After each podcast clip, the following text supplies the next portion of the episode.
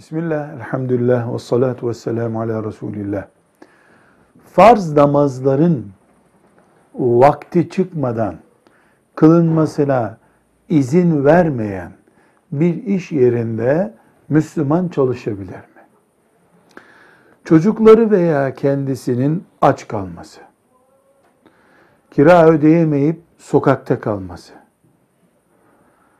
tedavi olamayıp hastalıktan perişan olması gibi olağanüstü, acil bir durum söz konusu değilse, Müslüman ardı ardına namazları kazaya bırakacağı bir iş yerinde çalışmaz.